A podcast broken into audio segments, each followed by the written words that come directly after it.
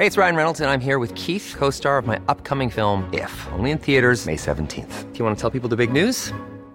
All right, I'll do. Sign up now and you'll get unlimited for $15 a month in six months of Paramount Plus Essential Plan on us. Mintmobile.com slash switch. Upfront payment of $45 equivalent to $15 per month. Unlimited over 40 gigabytes per month. Face lower speeds. Videos at 480p. Active Mint customers by 531.24 get six months of Paramount Plus Essential Plan. Auto renews after six months. Offer ends May 31st, 2024. Separate Paramount Plus registration required. Terms and conditions apply if rated PG.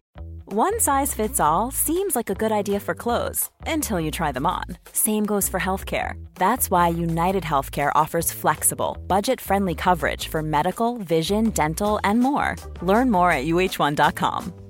Quality sleep is essential. That's why the Sleep Number Smart Bed is designed for your ever evolving sleep needs. Need a bed that's firmer or softer on either side? Helps you sleep at a comfortable temperature? Sleep Number Smart Beds let you individualize your comfort so you sleep better together. JD Power ranks Sleep Number number 1 in customer satisfaction with mattresses purchased in-store. And now, save 50% on the Sleep Number limited edition Smart Bed for a limited time. For JD Power 2023 award information, visit jdpower.com/awards. Only at a Sleep Number store or sleepnumber.com. Gjenklang.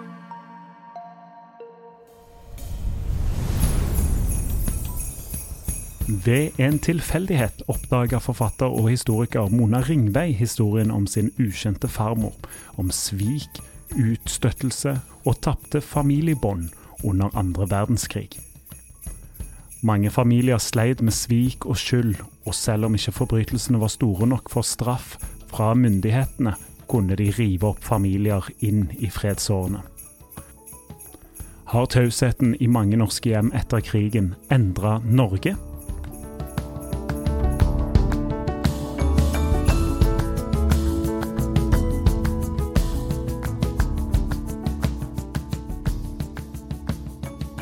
Hei og velkommen til Historier som endret eh, Norge. I dag har vi besøk av Mona Ringvei, forfatter og historiker, og ute med ny bok nå opp eh, mot jul. Velkommen til oss, Mona. Tusen takk. Du har skrevet en, en, en personlig historie. Du, du, har skrevet mange fine bøker og for oss som er glad i, i, norsk historie, men eh, denne historien her er veldig personlig for deg. Eh, den handler om din eh, fars ukjente slekt for deg, sånn i utgangspunktet. Ja, det stemmer. For noen år siden så fikk jeg Jeg har jo ikke hatt noe særlig kontakt med denne familien, og, og mine besteforeldre på farssiden, de døde da jeg var liten. Så jeg har ingen erindring om, om dem. Men så skulle jeg på en måte bare finne ut av en formalitet i, i anledning at min mann skulle fylle ut et sånn slektstre. Oh, ja.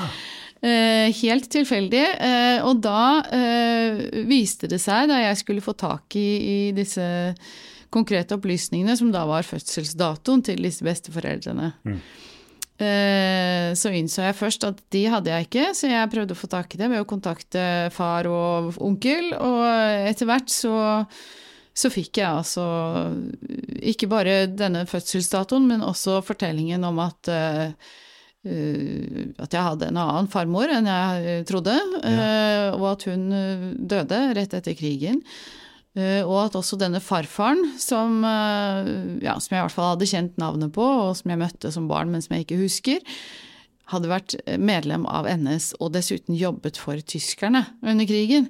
Dette var helt nytt for meg. Ja, og Når det er helt nytt for deg, da, hva, ja. hva skjer da med deg?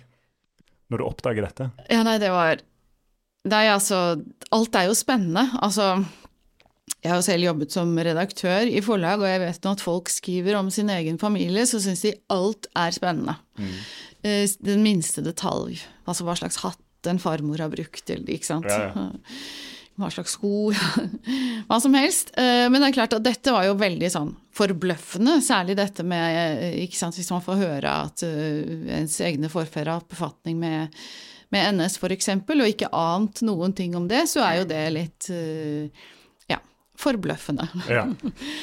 så, så, dette ble jo store liksom, historier rundt middagsbord, og vet dere hva, og en annen farmor, og hun hadde tuberkulose, og, Og så var det sant, en fortelling om en flukt til Sverige, og eh, at barna ble sendt på barnehjem da krigen var over, eh, og moren døde, osv. Um, Hvem er det som forteller deg de detaljene? ja, det er altså min onkel som på en Ja. måte blir veldig glad for dette lille spørsmålet jeg stilte. Det var jo bare et lite konkret uh, spørsmål, og jeg hadde jo ikke hatt noe Jeg hadde ikke sett ham siden jeg var ni år gammel. Eh, så, så endelig fikk han lov til å fortelle, for han husket ting fra krigen. Han var jo da født rett før krigen, så han hadde på en måte erindringer fra den gangen. Det hadde jo da ikke min far som ble født under krigen, så han husket ingenting av dette, og han hadde også visstnok glemt at han hadde uh, Altså at dette var moren hans, han trodde han hadde en annen mor, hun som jeg hadde hørt om, da. Ja. Så her var det på en måte noe som hadde blitt helt begravet. Kan, eh, kan jeg bare spørre også om er det, er det noe sårt med at du begynner å stille disse spørsmålene, eller er det, er det en sånn eh, sitrende nysgjerrighet som jeg føler du beskriver det på nå? Eller Ja. er, det, er det en sårhet òg? Eh, hvis du tenker på På familien, hvordan de tar det at du begynner å hvordan de tar det Ja. eh, Nei, jeg må være litt grann forsiktig. Ja. Eh, absolutt. Så eh, ja, det kan man jo Så jeg forsøker Altså for meg så er det jo mest uh, spennende, sant, fordi jeg har jo ingen direkte relasjon til uh, disse personene. Eh, og derfor så kan jeg betrakte det på en viss avstand, men jeg må da ta hensyn til at det finnes en generasjon imellom som Ja. ikke har den avstanden. Ja. For, det, for dette kan jo mange kjenne seg igjen i. Din- eh, fars families historie er jo som du sier forbløffende, og det beskriver du jo i, i denne boka. Men det at det er vanskelig å snakke om krigen i generasjoner etterpå, i familier etter krigen, det er jo liksom det din historie òg er på en måte et bilde på, da. Absolutt, og det er, ja, det er interessant du sier det, fordi det er den reaksjonen jeg får eh, nesten uh, av hver og en som på en måte uh, enten har lest boken eller lest om boken og sånt noe, så kommer de og så forteller de en his, ikke sant, om sin egen familie. Ja, jeg hadde jo en onkel. Jeg hadde brors, altså farfars bror, han var jo Og det snakket vi aldri om. Ikke sant? Og det fikk ikke jeg vite før for tre år siden. Ikke sant? Det er masse Bare på de få ukene som denne boken har vært ute, så har jeg fått veldig mange fortellinger privat fra folk. Ja. Ja. Og det går på det, akkurat det samme, ikke sant. Denne skjulte historien om den ene personen som eh, ja, valgte feil under krigen. Da. Eh, og det var jo veldig mange, og det er jo på en måte det som, som gjør dette eh, temaet interessant for andre enn eh, meg selv. Ikke sant? Det er ikke så interessant bare å skrive om sin egen familiehistorie. Det må være noe ved dette som berører andre. Eh, og når det gjelder eh, historien om krigen, så var det jo ikke sant, Det var 55 000 mennesker som, som var medlem av NS. Og det var langt flere enn man på en måte offisielt snakket om under krigen, fordi regjeringen i London og sant, de illegale avisene og den selvbildet man laget, med god grunn, fordi det, det ligger jo noe normativt også i det hvordan man beskriver seg selv. Så man beskrev nordmenn som staute, eh, motstandsdyktige mot nazismens propaganda, eh, og at det var nesten ingen Det var helt unorskt å være ikke sant, å svikte landet sitt og f.eks. melde seg inn i NS. Men det var 55 000 som gjorde det. Eh, og i tillegg så var det jo flere hundre tusen som, som jobbet for tyskerne. Men det er også veldig uh, interessant å, å ta tak i, fordi det var jo på mange måter ikke et frivillig valg da, for mange av disse. Uh, så dette her uh, problemkomplekset rommer da utrolig mange gråsoner. uh, med masse små doser med eh, små drypp av skam som liksom eh, slår, liksom, faller ned her og der, som gjør at uh, man kanskje egentlig ikke kan grave ordentlig i det og få opp um, uh, den historiske erfaringen som disse menneskene hadde av å virkelig havne i dilemmaer som vi til nå har sluppet å ta stilling til liksom i vår tid, da. Ja, og bank i bordet. Men det var eh, Hva hvordan har det prega disse 55 000, da? Altså, hvordan, kan vi gjerne begynne rett på, på din farfar, da. Hvordan, det at han var medlem i NS, er jo, er jo, kanskje for noen nok til å holde ting skjult og ikke fortelle om, om ting, da. Eh, hva, no, eh, hvor, er det, hvor, er det, han begynner å skjule ting? Nei, eh, det får man jo ikke helt svar på, men eh, Og det er jo noe med denne Altså, mm, eh, denne boken den heter jo Eilif og Oline med undertittel 'Tapt og funnet i okkupantenes skygge'. Og tanken bak det er at det er veldig mye som er tapt, f.eks. relasjoner, men også informasjon. Og så kan man kanskje finne noen tilbake, men noe vil jo alltid være tapt. Mm.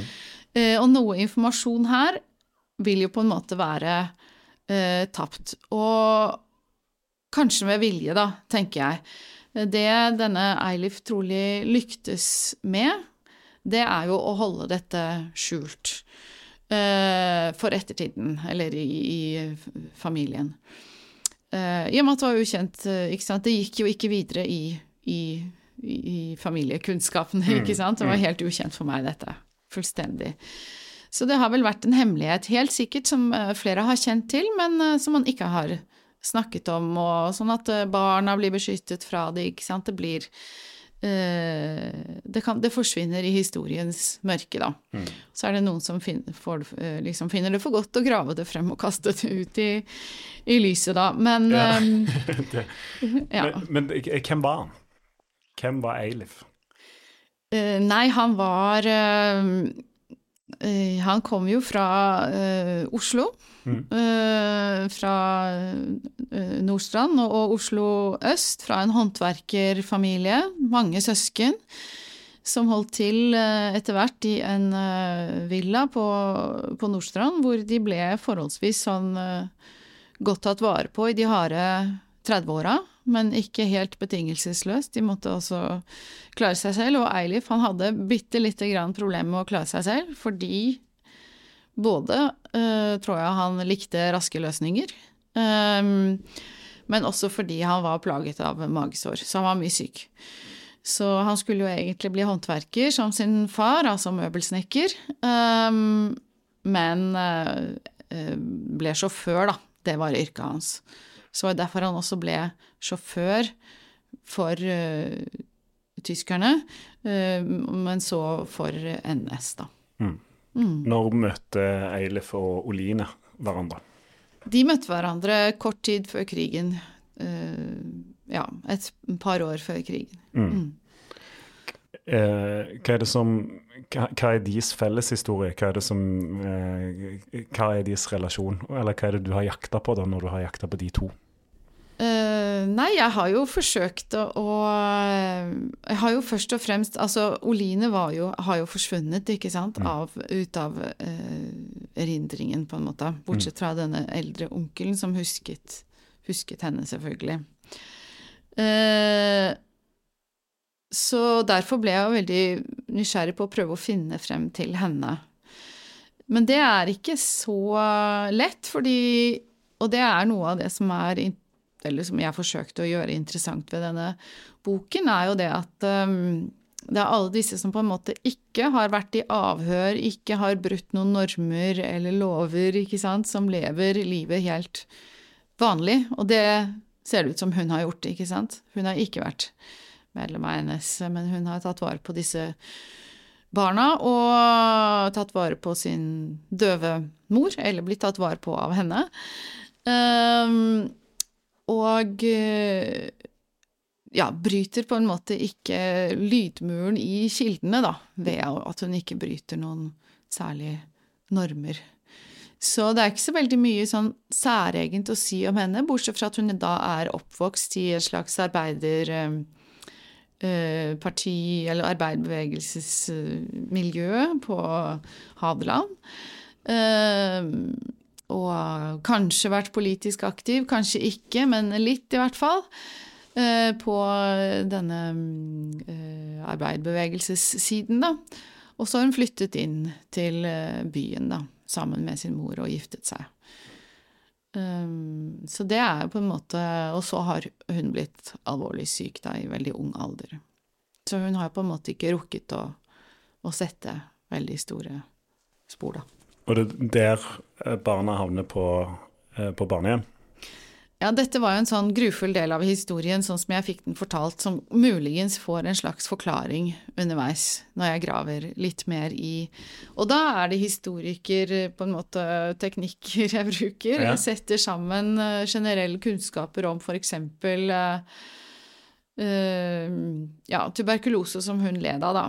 Uh, Fordi hun ble jo da, uh, da denne Eilif kom tilbake fra Han flyktet jo til Sverige og kom tilbake fra fangenskap der, for han ble havnet jo da i en interneringsleir for tvilsomme norske flyktninger. Ja. Ikke sant? Eh, en flyktningleir jeg aldri har hørt om før. Eh. Helsingmo het den, så det var helt nytt for meg. Og jeg har skjønt at det er mange andre som det også er helt nytt for. Så det er interessant. Eh, men han var i hvert fall der, eh, sammen med de andre tvilsomme flyktningene, og kom tilbake etter krigen. Og da var det jo et rettsoppgjør som ventet på ham. Fordi alle NS-medlemmer uh, ville bli liksom uh, rettsforfulgt, da. Eh, og kom hjem til en eh, kone som da var syk med tuberkulose, så han kastet henne på gaten, ble liksom historien, da. Og barna ble sendt på barnehjem da han kom hjem. Men dette får jo da også muligens et snev av en forklaring hvis man ser på betingelsene for hvordan livet var for veldig mange da, etter krigen. Både med boligmangel og med sykdom og smittsom tuberkulose, som var en dødelig sykdom som disse barna da helst ikke burde utsettes for. ja. Så, så da tenker du at det, det er gjort for å skjerme barna, da? Uh, ja, altså jeg trekker ikke så veldig store slutninger, fordi at i denne boken så, uh, så er det slik at eh, Ok, jeg opererer litt som historiker, og så er det en egen familiehistorie. Og så er det en god del ting man ikke kan vite om disse menneskene. Slik at øh, Og når man skriver om egen familie, så er man veldig lett for å enten ikke sant, unnskylde Ja. eller dømme veldig hardt. Fordi at øh, hvis man dømmer veldig hardt, så viser man hvor man står. Hvis man unnskylder, så prøver man å dekke over. Så det jeg har forsøkt å gjøre her, er liksom å ikke gjøre noen av de to tingene. Eh, og ja, så derfor så trekker jeg meg liksom tilbake hvis jeg beveger meg i en slags sånn uh, unnskyldende retning, da. Ja. Men uh, bare skissere at ok, her er det Her kan vi undersøke nærmere litt sånn betingelsene for hvordan livet var for akkurat denne type mennesker. Og da også at det var veldig vanskelig, selvfølgelig, å komme tilbake etter krigen og være en av dem som hadde valgt feil. Fordi stemningen i Norge etter krigen var hatsk. ja. Så da kan man, hvis man vil, eh, ikke sant, tenke at eh, det også ville være en beskyttelse av de barna, og ikke Men og på den annen side, kanskje han ikke kunne ta seg av dem. Han hadde jo magesår, ikke sant, i tillegg. Så her er det mange sånne faktorer som peker tilbake på situasjonen i 1945, som var veldig spesiell. Og en av disse barna er da din far, så har vi plassert deg og, og liksom Mm. Ja, ja, dette. han er jo den, og han er jo veldig Og han er jo bare to år, så han husker jo ingenting av dette. Nei. Hey, it's Ryan Reynolds, and I'm here with Keith, co star of my upcoming film, If, only in theaters, May 17th. Do you want to tell people the big news?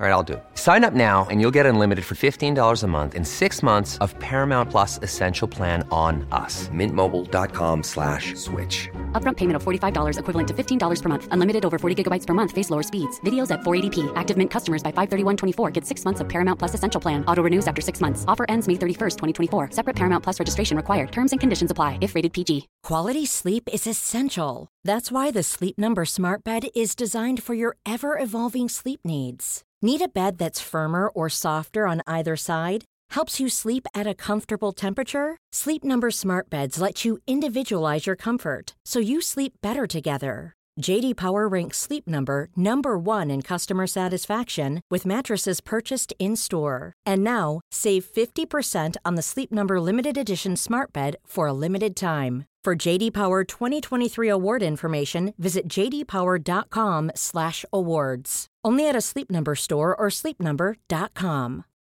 Life is full of what ifs. Some awesome, like what if AI could fold your laundry? And some, well, less awesome. Like what if you have unexpected medical costs? United Healthcare can help get you covered with Health Protector Guard fixed indemnity insurance plans. They supplement your primary plan to help you manage out of pocket costs. No deductibles, no enrollment periods, and especially no more what ifs. Visit uh1.com to find the Health Protector Guard plan for you. Hva tror du har gjort med disse familiene som, som din egen, da? Eh, som, får, som blir på en måte splitta òg for noe som har skjedd i et forsøk på å gå videre? At en må føle en må ta noen sånne valg etter krigen òg for å ta et, opp, et, oppgjør, eller kanskje i enda større grad egentlig bare skyve det vekk, velge det vekk. Ja. Eh, hva har egentlig det gjort med, med Norge? Ja, Det er et godt spørsmål, og jeg har grublet en del på det, og uten at jeg har svar, da, så har jeg i hvert fall funnet uh, ut at det finnes i hvert fall flere ulike um, ja, motiver bak den tausheten. Uh, men at, det, at man overordnet sett kan si at veldig mange har valgt å bare simpelthen sette en strek og gå videre og ferdig med den saken. Og snakker ikke mer om det.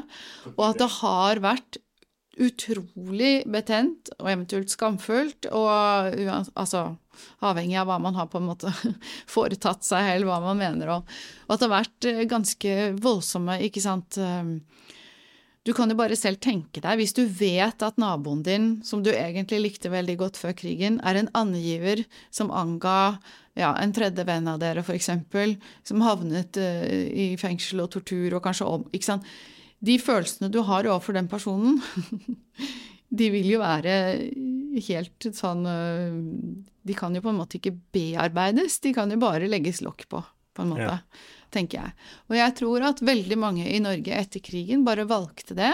Eh, gå videre. Det, ikke, det, går ikke an å rydde opp i dette.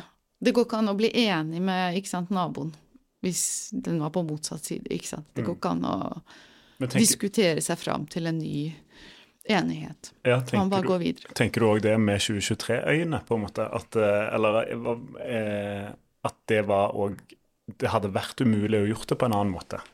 Jeg kan forstå at det oppleves sånn der og da, men det, var det, sånn som du ser det nå, da? Ja. Tenker du at det var helt klin umulig å snakke om det? Nei, det tror jeg ikke, for jeg tror jo noen også har gjort det. Men ja. jeg mener jeg har lest nå så mange fortellinger om mennesker som har opplevd, opplevd, de mest sinnssyke ting under annen verdenskrig, som aldri snakker om det. Mm. Uh, eller har snakket om det. Men kanskje de snakker om det når de blir veldig gamle. Men det er jo ikke alle som blir så gamle at de kommer til det punktet at de bestemmer seg for at nei, nå skal jeg snakke om det. Mm. Uh, sånn at veldig mange erfaringer og innsikter og fortellinger har jo bare gått i graven og forblitt hemmeligheter. Um, så, det, så, så, jeg tror jo for så vidt Som historiker, da, så har vi jo gått glipp av veldig mye viktige innsikter, ikke sant. For Jeg mm. tror jo at veldig mange av disse fortellingene kunne gitt oss noe å, å tygge på, da. Mm. Mm. Du har jo skrevet om, om historier og norsk historie òg langt tilbake i tid, hvor det er veldig mm. lite kilder, ja. Eh, hvor en på en måte må eh, danne seg et bilde av hvordan ting er. Har du tenkt at dette her er også et arbeid for at du skal fortelle den historien så eh, Altså at du har et ansvar å fortelle denne historien i og med at det ligger så tett på ditt eget liv? Uh, nei, altså som uh, Her har jo jeg vært veldig sånn uh, Den som jeg har laget en historie ut av dette. Det er jo sånn som jeg liker å gjøre. Ja. Så det har jeg fått til. Um, men det er fortsatt en del sånn ubesvarte spørsmål og sånn. Og så jeg kom, jeg kom til et sånt punkt hvor jeg tenker ja, men nå har jeg fått i hvert fall svar på en del ting som jeg kan uh, liksom tenke at uh, det lærte jeg noe av. Det var interessant. Og hvis jeg skal grave videre i dette nå, så blir det som en sånn litt sånn halvgal slektsforsker som aldri klarer å fordi det er veldig mye sant, slektsforskning og det å, å, å, finne, å, forfølge alle disse sporene man kommer over.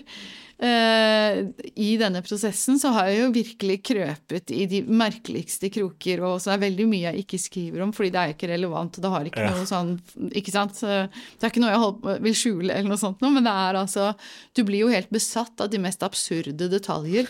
Liksom. Ja, for da jobbet han i den møbelforretningen, og han som het Han het jo det til etternavn, og kanskje de Ikke sant? Ja.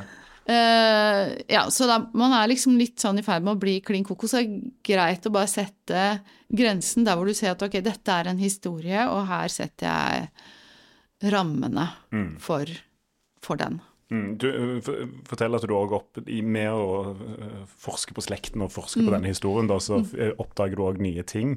Eh, For meg så var det litt nytt med dette Døvstum-instituttet på Hamar. Eh, Det er jo kanskje bare min uvitenhet, men hva var egentlig det? Du, det var min uvitenhet òg, og det var jo i eh, andre potens, fordi uh, rett og slett Jeg visste jo heller ikke at jeg hadde en døvstum uh, oldemor. Nei. Ikke sant? Moren til Oline. Og hun bodde jo også her i, i Oslo etter at hun hadde uh, levd der på Hadeland og sydd klær. Um, og så kom jeg jo, tenkte jeg skulle undersøke, og helt tilfeldig så kom jeg altså over det at hun hadde gått på skole på noe som da het Hamar døveinstitutt. Uh, som for meg var helt ukjent. Helt ukjent. Uh, og så viser det seg da at dette var verdensledende på slutten av 1800-tallet, da hun eh, begynte der, da, som tiåring eller noe sånt noe. Helt verdensledende i sånn døvepedagogikk. Uh, slik at hun ble jo da Og på slutten av 1800-tallet så ble det også da innstiftet en lov som da bærer det eh, litt merksnodige navnet abnormskoleloven, Ja. som vi i dag vil steile litt over dette navnet. Men eh, det var altså en lov som eh, gjorde det eh, forbudt da, å nekte barn som var f.eks. Eh, døvstumme, skolegang. Slik at de diverse husmannsfamilier og bondefamilier hvor man ikke hadde store ressurser og fikk et barn som var eh, døv, eh, ja, og da ble også stum, eh, og det kunne de også bli av sykdom. ikke sant? For det veldig mange barnesykdommer som kunne føre til Ja. den type skader. Eh, og det var da ikke lov å ikke sende disse på skole lenger, eh, og det ble opprettet dette døvstue, som var en sånn internatskole. Ja. Uh, og der var det noen ildsjeler som da hadde på en måte studert uh, de beste, og som ble de aller, aller beste selv. Og de var veldig opptatt av at de døvstumme skulle lære seg å snakke. Uh, ikke bare døvspråk, men lese på munnen og også lære lyder, slik at de kunne kommunisere med hørende. Ja. Eh, og slik at de kunne få seg et yrke eh, og eh, forsørge seg selv. Så der gikk hun, rett og slett. Og det Døvstumme-instituttet, det var altså så verdensledende at hun som da var Helden for noen som har hørt om Helen Keller, er jo liksom en sånn verdenberømt figur i historien, fordi hun var ikke bare døv, men hun var også blind. ja. Ikke sant? Så de, eh, hennes pedagog var jo der og tok inspirasjon på Hamar. Døvstumme institutt. Og senere kom jo da også Helen Keller til Oslo. Ikke sant? For hun hadde en relasjon til Norge av dette. På grunn av dette, ja. Mhm. Spennende, da. Det, for, for, eh, men hva, hvordan lyktes de i sitt arbeid? Åpenbart, da. Eh, Ja. Må de jo ha gjort det, da. Men vet du noe om det? Hvor, hvor mange som på en måte var der og fikk, fikk hjelp? Og, Ja, altså det, det varte jo en god stund, dette instituttet, så jeg har jo ikke noe sånn, men eh, da det startet, så var det vel snakk om ikke mer enn sånn 15 elever, men det vokste veldig fort. Altså først så, så, så hadde de et internat, et hus de kunne bo i, og så måtte de få et til, da, for du fikk så mange elever. Um, ja, og det var jo veldig vellykket uh, i uh, hva angår eh, moren til Oline, da. Karen, hun, hun ble jo selvstendig. Uh, og hun fikk et barn som var ganske voksen da Oline ble født, og så flyttet de til Oslo. Da bodde hun på et annet sted som også ble drevet av noen fantastiske ildsjeler, altså Døvehjemmet på Nordstrand, som jo finnes der fremdeles. Eh, og som ble også startet på slutten av 1800-tallet. Um, så, det, så, det, er rett og slett uh, en, et spor i den boken som jeg gjerne skulle likt å forfølge senere, for jeg syns det er en utrolig historie, og også fordi uh, fordi den vi er vant til å, å, lære om denne tiden sånn menneskesyn og vitenskapssyn, at det er en sånn raserenhet, og da er det Altså, raserenhet er liksom to to elementer av det. Det ene er at menneskerasen som sådan skal holdes ren for elementer som er svake og sykelige, ikke sant. Eh, det er eh, å skal dyrke det sterke ikke sant, mennesket generelt. Men så har du den nazistiske delen av dette igjen, som deler folk, menneskerasen, i ulike raser, og hvor enkelte raser er mer verdt, ikke sant. Så det er mm. dobbelt. Eh, men i hvert fall vitenskapen har jo da Vi har jo hørt veldig mye om at dette preget tanke... Altså mentaliteten til, til, til vitenskapsfolk og, og, andre også i mellomkrigstiden og, og ja, på begynnelsen av 1900-tallet. Men her ser vi at denne tankegangen som råder på disse døveinstituttene og sånt noe, det er et annet vitenskapssyn hvor man går inn for å på en måte eh, at alle at mennesker i seg selv skal hjelpes til best mulig liv ut ifra de forutsetningene de har. Mm. Så det er et diametralt motsatt menneskesyn. Uh, og som da selvfølgelig som på, på, sett og vis møtes i denne familien under krigen, da, fordi da Eilif melder seg jo inn i NS, uh, men spørsmålet i denne boken er jo hvorvidt han er nazist eller, ikke, og det viser seg at det, det, det ser det ikke ut som han er. Han, ikke, han gjør dette for å få jobb, da. Eh, det behøver ikke være noe unnskyldning, da, bare sånn at jeg sier det med en gang, men, men det viser seg sånn. Uansett, så det er en familie som, hvor han på sett og vis går inn i dette verdensbildet til nazisten, som er helt uh, groteskt hva angår menneskesyn, samtidig som han lever i en familie hvor han selv har problemer egentlig med å forsørge familien fullt og helt, og han får ganske mye hjelp av denne svigermoren. Ja. Fordi hun som sitter der oppe på Nordstrand, de får, de får ganske gode porsjoner med mat under? De får mer, ja. Det er jo rasjonering. Ja. Hun driver og deler ut til familien. Okay. Uh, og det har jeg inntrykk av, uten at jeg vet det, så har jeg inntrykk av at de der oppe på Nordstrand, de så gjennom fingrene med, med den slags. Ja. Uh, så her spiller liksom mange sånne ulike bevegelser inn i hverandre, da. Ja. Nei, det er da du får, får fint bilde på hvor sammensatt det er òg, ja. og hvor Kanskje det er òg et svar på hvorfor det har vært så vanskelig for mange familier å, å ta, ta, dette og snakke om det etterpå, fordi at det er man har kanskje en forventning om at det skal være litt sort-hvitt, men så, det, så, vet jo de som var, var der, at ja. det kanskje ikke var det. da. Ikke alltid, ikke sant? men noen ganger så var det det også. Og mm. det er jo det som gjør det er jo det som gjør at det blir Det, jo, det fantes jo overbeviste nazister, ikke sant, ja. som ville kjempe for dette synet, til tross for alt som skulle komme frem om hvilke groteske ikke sant, mm. konsekvenser. Eh, men som ville holde fast ved det. Så det fantes jo. Og så ville jo alle andre være, havne i samme bås. Da er det jo bedre å ti... Altså det å prøve å forklare mm, mm. alle disse nyansene Man skjønner at det blir tungt. Mm. Hvis det skulle være behov for det, da. Hvis det er noen som Ikke sant? Men for noen så ville det jo være nyanser. Uh, for andre ikke. Uh, sånn at man kan heller ikke liksom trekke en enkel slutning der, ikke sant. Så alle historier er jo da individuelle, og um, ikke så lett egentlig å skulle forklare seg.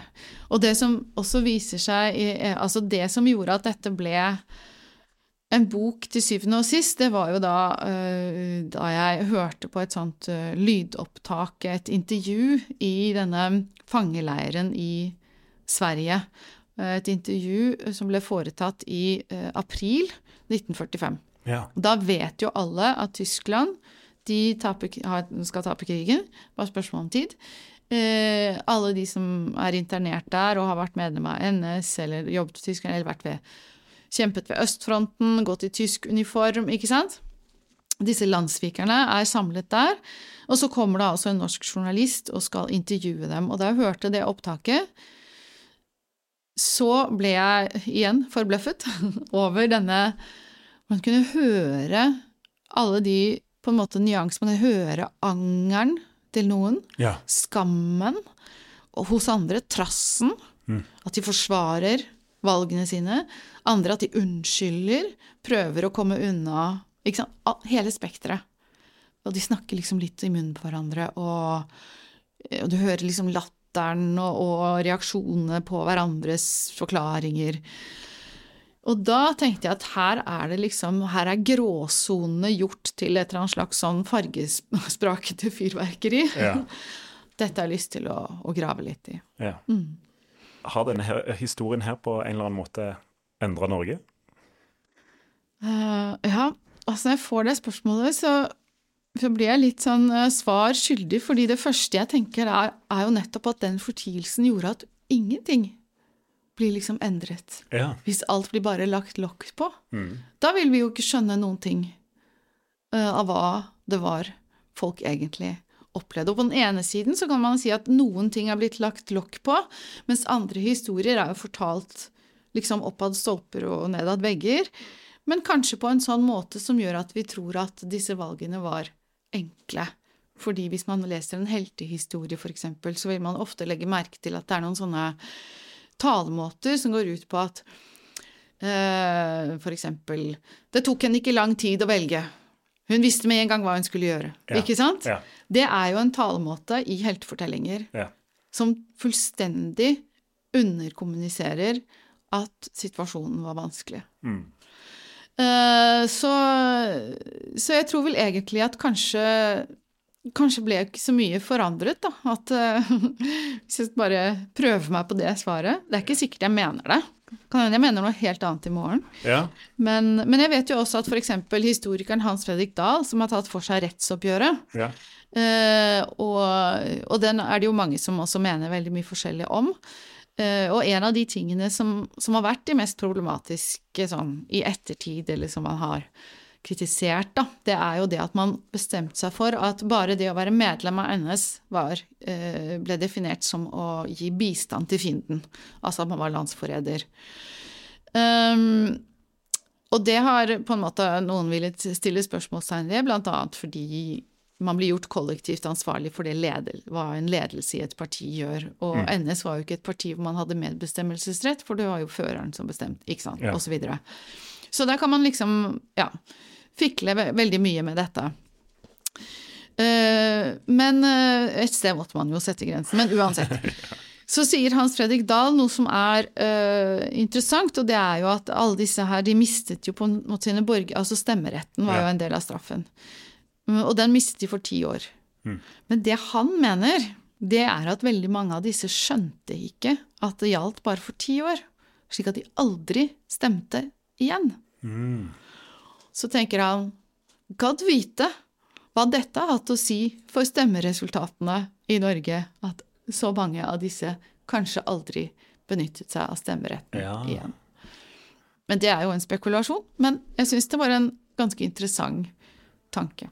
En interessant tanke og en spekulasjon. Det tar vi plass til her i Historier Ja. som endret Norge. Mona Ringvei, takk for at du kom og forteller om din, eh, din fars historie, da, eller familiehistorie, og i boka 'Eilef og Oline'. Takk skal du ha.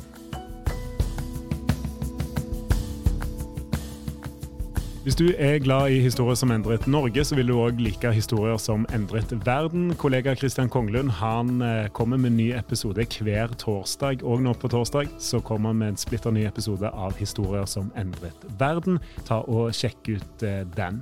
Du kan òg følge oss i Historier som endret eh, Norge på Instagram. Der legger vi ut bilder og videoer som er relatert til ukens episode. Der kan du òg komme i kontakt med meg om du har episodeønsker eller gjesteforslag. Ta og Send meg en melding på Instagram. Historier som endret Norge. Gjenklang.